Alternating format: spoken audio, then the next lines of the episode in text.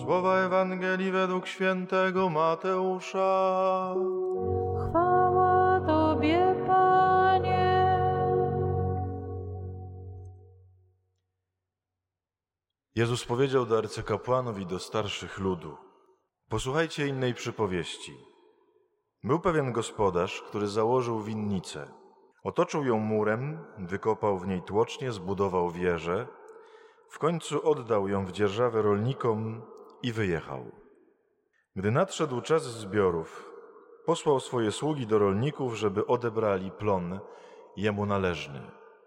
Ale rolnicy chwycili jego sługi, jednego obili, drugiego zabili, trzeciego ukamienowali. Wtedy posłał inne sługi, więcej niż za pierwszym razem, lecz i z nimi tak samo postąpili. W końcu posłał do nich swojego syna, myśląc sobie, uszanują mojego syna. Lecz rolnicy, zobaczywszy syna, mówili do siebie, to jest dziedzic, chodźcie zabijmy go, a posiądziemy jego dziedzictwo. Chwyciwszy go, wyrzucili z winnicy i zabili. Kiedy więc przyjdzie właściciel winnicy, to co uczyni z owymi rolnikami? Rzekli mu, nędzników marnie wytraci, a winnicę odda w dzierżawę innym rolnikom, takim, którzy będą mu oddawali plon we właściwej porze. Jezus im odpowiedział: Czy nigdy nie czytaliście, co napisano w piśmie? Ten właśnie kamień, który odrzucili budujący, stał się głowicą węgła. Pan to sprawił i jest to cudem w naszych oczach. Dlatego powiadam wam, Królestwo Boże będzie wam zabrane, a dane narodowi, który wyda jego owoce. Oto słowo Pańskie. Chwała Tobie, Chryste.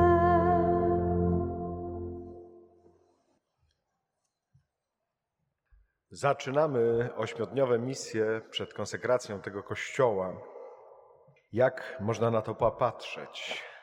Im prościej, tym lepiej. Myślę, że wystarczy się rozejrzeć trochę. Nie wiem, jak długo tutaj przychodzicie i zobaczyć, co tu się wydarzyło. Może są tacy, którzy pamiętają, że tutaj był jakiś pusty plac kiedyś, albo są tacy, którzy pamiętają szopkę. Albo pamiętacie ten kościół jeszcze taki w stanie surowym. Ja tutaj pamiętam, byłem na praktykach diakońskich 20 lat temu. I to jest moje pierwsze poznanie Rzeszowa i tego miejsca. I ono się dzisiaj trochę różni od 20 lat temu. To pewnie ojciec Romuald by wiele mógł o tym powiedzieć. I ten kościół teraz ma być konsekrowany. I to nie jest koniec tego, co tu się wydarzy. Tylko mamy nadzieję, że będzie jeszcze dalej, i jeszcze będziemy świadkami kolejnych etapów. Dlaczego o tym mówię? Dlatego, że to słowo, które dzisiaj przychodzi do nas o winnicy, tak naprawdę jest o tym też. To pierwsze zdanie. Chcę zaśpiewać memu przyjacielowi pieśń o jego miłości ku swojej winnicy. I potem jest opisane, jak ten przyjaciel starał się, by ta winnica była jak najpiękniejsza żeby jak najlepiej służyła, jak najpiękniejsze wydawała owoce. Myślę, że wiele rąk, wiele serc yy, przyczyniło się do tego, żebyśmy dzisiaj byli w tym miejscu. Ale oczywiście wiadomo, że nie chodzi tylko o ten kościół, bo ten kościół, którym możemy się zachwycać, jest tym, co zewnętrzne. I wiadomo, że w takiej konsekracji kościoła, zwłaszcza parafialnego, chodzi o ten kościół, który tu się gromadzi, o żywe kamienie. Więc jeżeli ten kościół jako budynek, jako świątynia ma być konsekrowany, to tylko w, ten, w tym sensie, żeby te kościoły, te świątynie, bo tak mówi Biblia o każdym z nas, jesteście świątynią Ducha Świętego, żeby te świątynie były konsekrowane. I warto zaśpiewać te pieśni o miłości, o tym miejscu, bardzo konkretnie, niczego nie umniejszając tej świątyni, ale też jaką pieśń o miłości można by zaśpiewać o Was, o tej świątyni, którą wy jesteście, każdy z was z osobna, ale też razem, jak ją tworzycie. Mówiąc krótko, może pięknie wyglądać z zewnątrz, tak jak na was patrzę, a co w środku? Czy jeszcze chodzi o miłość? Czy to, że ja dzisiaj siedzę tutaj w tej ławce, to jeszcze chodzi o miłość? I nie chcę powiedzieć, że nie chodzi, bo może chodzi. Mam nadzieję, że chodzi. Ale jednocześnie, jak dostajemy słowo od Boga, to Bóg zawsze mówi: Ale ja chcę większej miłości niż ta, która była do tej pory. To, co było do tej pory, ciągle mi nie wystarcza. Ja chcę więcej zobaczyć. Dlaczego? Bo ja chcę więcej Wam dać. Pamiętam taką historię e, z mojego życia, przypomniałem sobie ją dzisiaj rano. Jak już byłem po słowie z takim ojcem od powołań do Dominikanów, już pogadaliśmy, że mam zamiar zostać Dominikaninem, wtedy się zakochałem w takiej Ewie. Pojechałem do Kielc, bo on tam wtedy głosił rekolekcję. Poczekałem, aż skończy konferencję. No i jak szedł na plebanie, dołączyłem. No i przy herbacie mówię mu, no taka jest sytuacja, zakochałem się. Nic nie będzie z Dominikanów. A on ku mojemu zaskoczeniu mówi, jakbyś się nie zakochał, to bym cię w ogóle nie przyjął. Po co mi taki zakonnik, co nie umie kochać? Potem ze mną inaczej się poukładało, no i jak widzicie, jestem. Ale pamiętam to. Czy chodzi o miłość? To jest też bardzo konkretnie, jak żyjemy. Że może kiedyś chodziło, a dzisiaj już mi się nie wydaje, że chodzi. Tak kiedyś kardynał Krajewski mówił o sobie. Mówi, leżałem tu na posadce na święceniach kapłańskich i mówię, Panie Jezu, wszystko moje do Ciebie należy, wszystko moje jest Twoje. A potem rok po roku, krok po kroku wszystko mu odbierałem. Że możemy mieć też takie doświadczenie, że wydawało się, że chodzi o miłość, a jak jest dzisiaj? Tak jak kiedyś kaznodzieja jeden powiedział, wraca mąż do domu i mówi do żony, kochasz mnie? A żona mówi, przecież gotuję.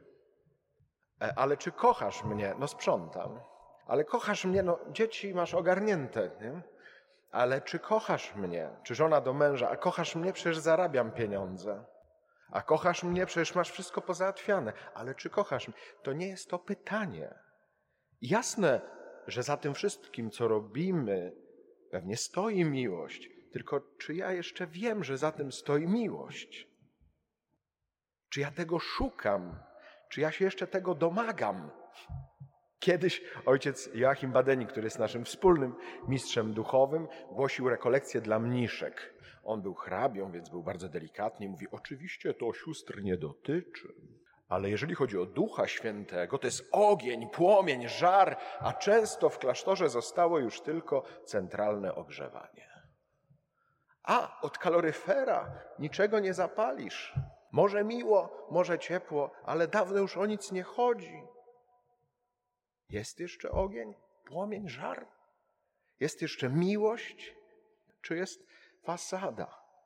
Jak bardzo potrzebujemy, żeby na nowo coś zapłonęło. To oczywiście nie jest takie proste. Przypominam sobie, jak jeden przyjaciel do mnie przyjechał i mówi tak, czy ja się po to żeniłem, żeby było mi gorzej? Ja do siebie wziąłem, czy ja po to wstępowałem do zakonu, żeby było mi gorzej? Z całym szacunkiem, na, że na to, co nie mam wpływu, nie mam wpływu, ale na to, co mam wpływ, czy ja robię tak, jak potrzeba to robić?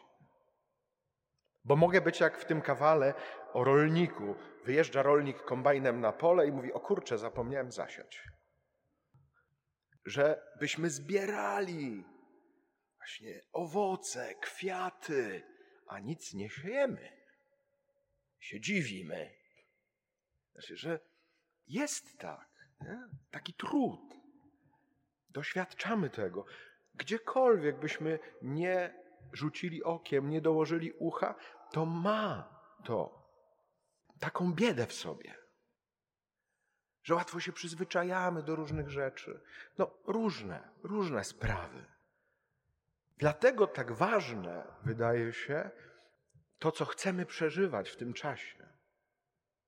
Że chcemy wrócić do miłości, że nie chcemy, nie godzimy się na to, żeby z niej zrezygnować. U Dominikanów najmądrzejsi są nowicjusze. Ja kiedyś, jak byłem mistrzem nowicjatu, chciałem ich zarażać już od początku kaznodziejstwem. I kiedyś wpadłem na taki pomysł, że zrobimy takie ćwiczenie kaznodziejskie, które będzie polegało na tym. Mówię, bracia, idziemy do kaplicy, modlimy się o Ducha Świętego, ja otwieram Biblię, czytam jedno zdanie, daję któremuś z braci, jeszcze chwilę się modlimy, on wychodzi i mówi tak minutę, dwie, słowo.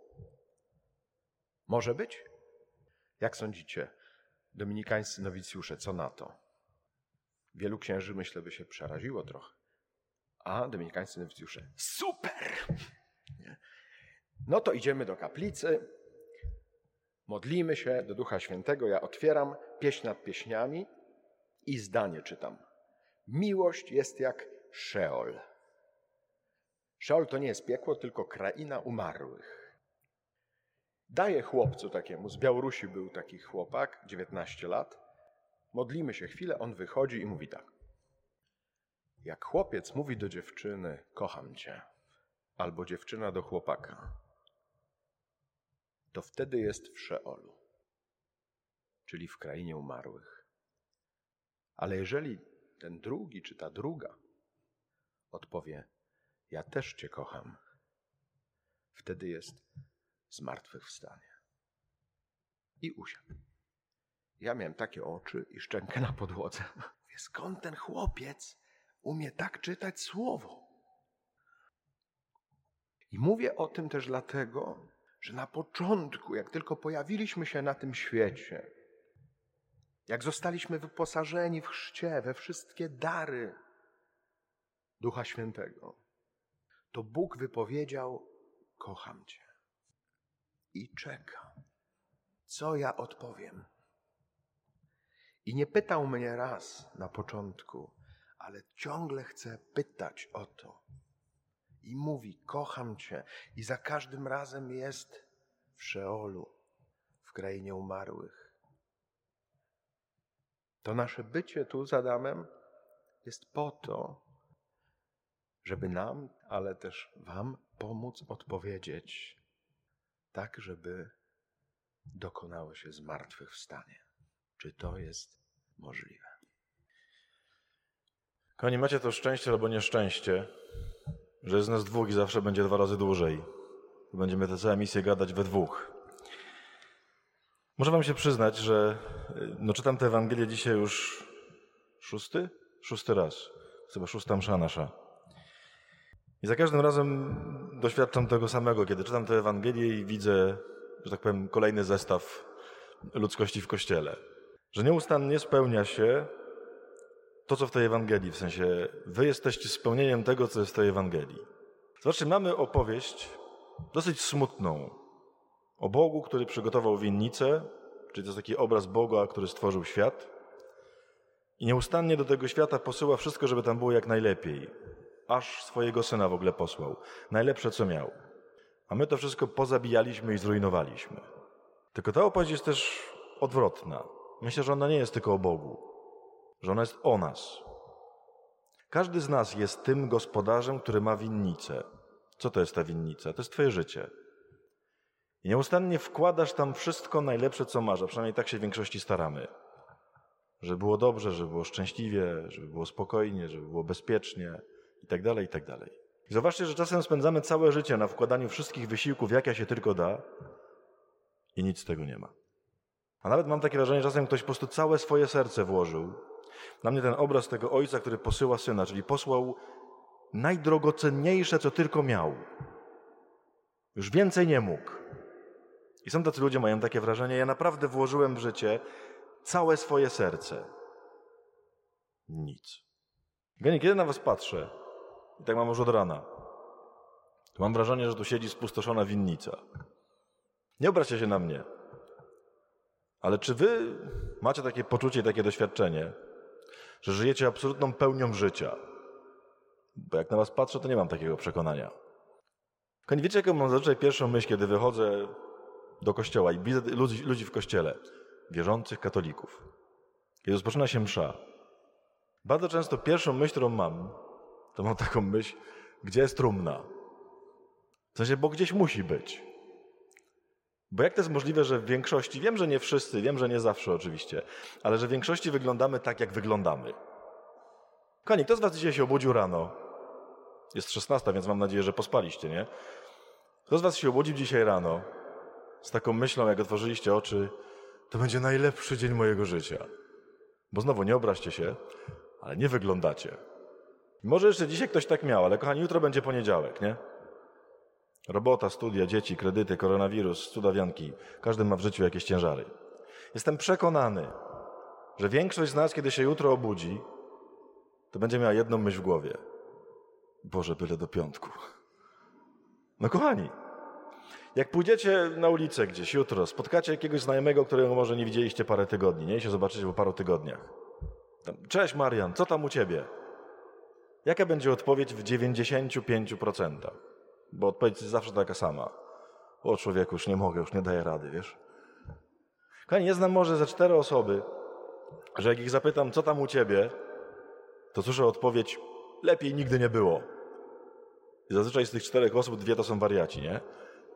Kochani, no coś jest nie tak.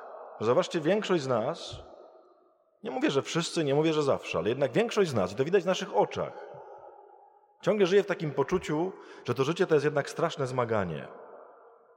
Jak są momenty wytchnienia, to one są wyjątkowe w ogóle, że są. Kochani, jak czytam o tej winnicy, to przypomina mi się taka Ola. Lubię o niej opowiadać, często do niej wracam. Ona jest jednym z najpiękniejszych przykładów tego, co się dzieje w tej Ewangelii i tego, co się w nas dzieje. Mamy to szczęście z Tomkiem, że dużo jeździmy, no bo mamy dużo rekolekcji, więc ciągle poznajemy nowych ludzi. Kiedyś poznałem taką Olę w Kołobrzegu. W Kołobrzegu jest jeden z największych w Polsce szpitali psychiatrycznych. I mam y, tam w tym szpitalu taką znajomą siostrę, w sensie pielęgniarkę, która tam pracuje. I zawsze jak jestem w okolicy, staram się ją odwiedzić, żeby z nią pogadać. I kilka lat temu, kiedy tam byłem, ta siostra była w jakimś takim amoku tam zajęć, miała po prostu mnóstwo obowiązków. Posadziłem je w takim pokoju dla pielęgniarek. Mówi, weź tu siedź, czekaj. Mówi, tam przyjdę za jakieś 40 minut, to sobie pogadamy, no a na razie muszę lecieć. I mówi, żeby ci nie było smutno, żebyś się nie nudził, to taka Ola przyjdzie, no i ci dotrzyma towarzystwa, nie?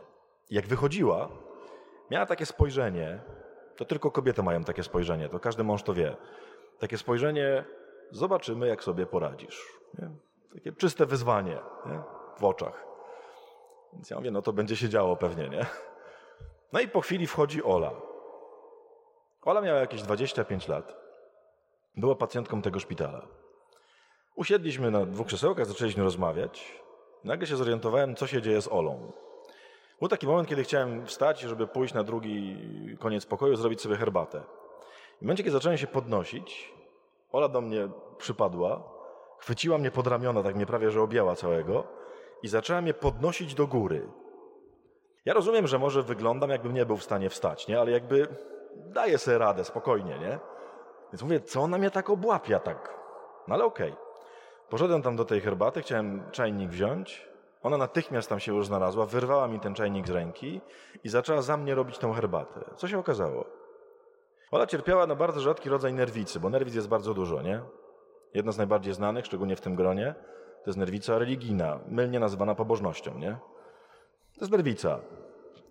Kochani, Ola miała nerwicę, która polegała na tym, że nieustannie znajdowała powód, żeby komuś za, co, za kogoś coś zrobić, żeby komuś pomagać.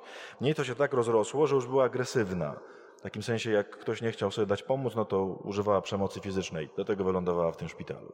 To momentami było, ja wiem, że to jest straszna choroba, ale momentami to było w ogóle śmieszne. Jak, nie wiem, szliśmy korytarzem, bo tam poszliśmy się przejść chwilę, przechodziliśmy przez próg, Wyobraźcie sobie próg, nie? Dwa centymetry, a Ola mnie prawie, że przenosiła przez ten próg jak pannę młodą, nie? Jakbym nie był w stanie przejść. Pogadałem z tą Olą, opowiedziała mi swoją historię. No w ogóle przekochana, przecudowna dziewczyna. No taka choroba ją spotkała w życiu. I potem wróciła ta siostra. I ja pytam tę siostrę tak, mówię, słuchaj, mówię, dziękuję, że mogłem ją poznać, tą Olę, ale powiedz mi, co wy robicie, żeby pomóc tej dziewczynie? Czyli w jaki sposób można kogoś takiego wyprowadzić, nie? Z tej choroby, z takiej nerwicy. Ta siostra powiedziała strasznie ciekawą rzecz. Nie było oczywistą, ale bardzo mnie to zaskoczyło. Ona mówi tak. Mówi, Adam, wszystkie terapie, wszystkie nie, rozmowy i tak dalej, wszystko, co z nią robimy, tak naprawdę polegają tylko na jednym. najbardziej oczywistej i najbardziej niemożliwej do zrobienia rzeczy. Mianowicie trzeba ją przekonać, że ona jest warta kochania, nawet jeżeli do niczego nikomu nie jest potrzebna. Bo mówi, skąd się wzięła jej choroba? Mówi z czegoś bardzo prostego. Mówi, musiało w jej domu być tak, że jak była usłużna i dla innych do czegoś przydatna, to ją kochano. No jak była nieusłużna i nieprzydatna, to jej nie kochano. Więc jej serce się nauczyło, że musi nieustannie cały czas dawać. Wtedy będzie kochana. Aż się z tego zrobiła pętla nie do zatrzymania. I ta siostra mówi tak, Adam, wszyscy na świecie są chorzy na tą chorobę.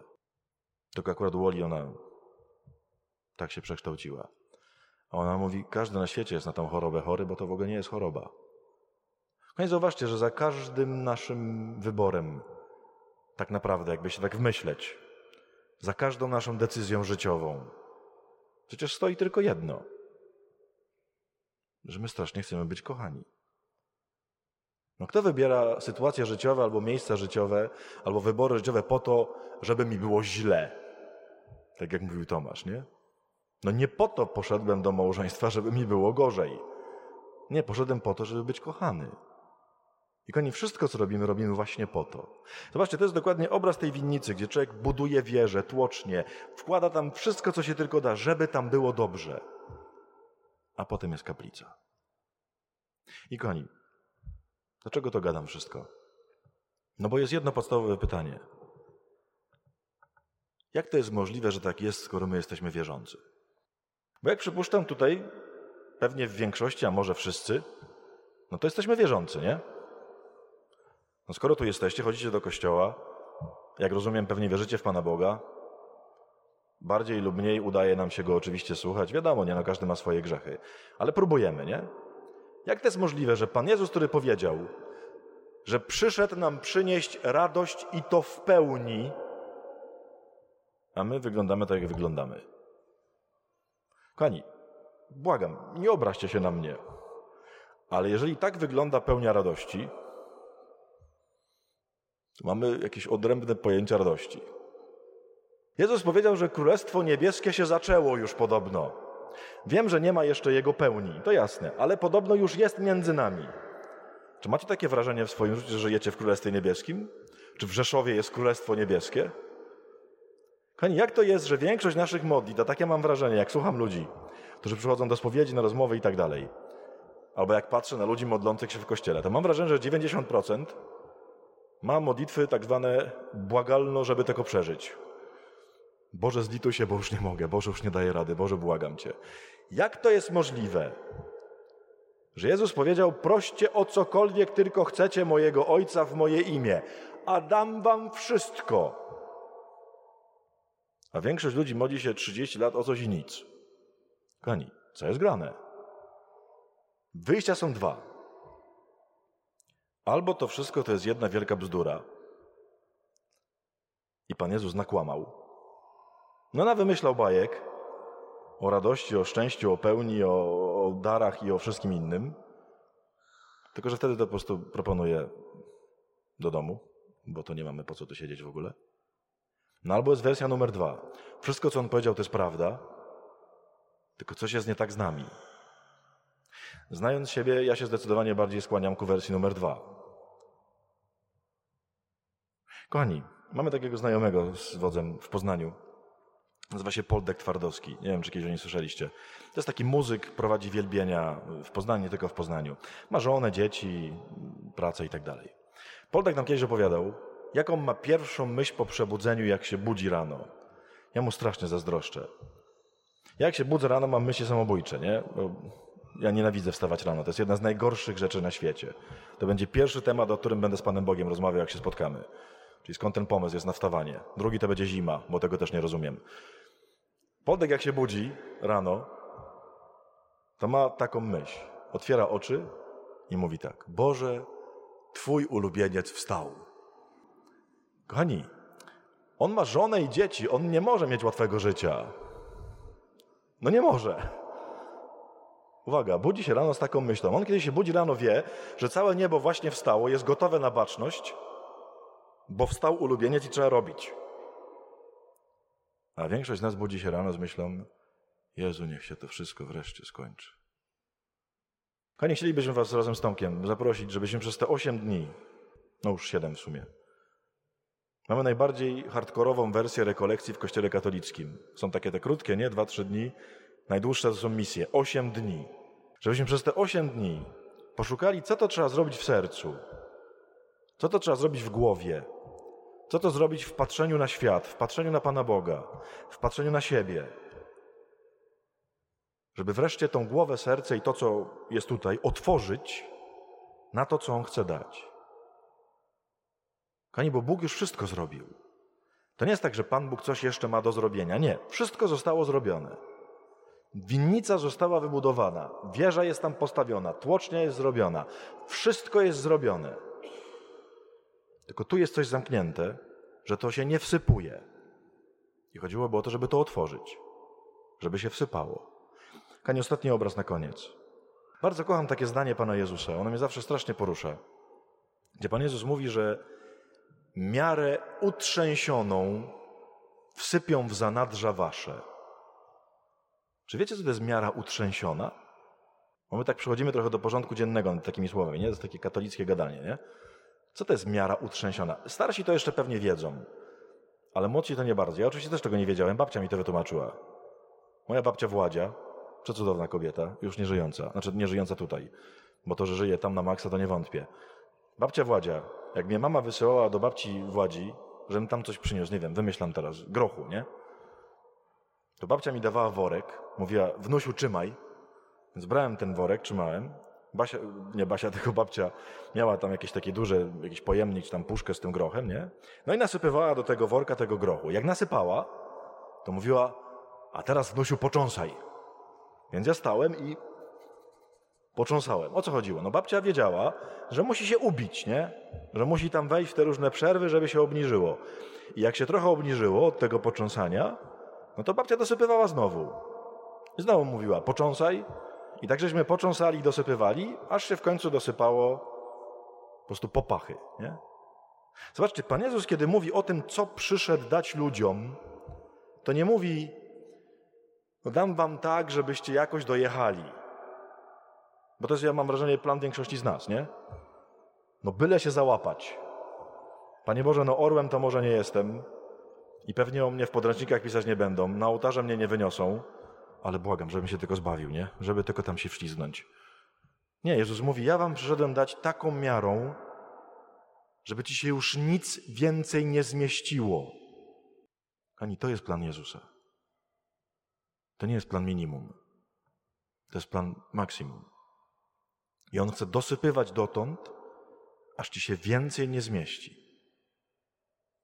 Kochani, jeżeli tylko znajdziecie trochę czasu i trochę chęci, to spróbujmy przez te kilka dni tego poszukać i otworzyć się na tą łaskę Pana Jezusa. Amen.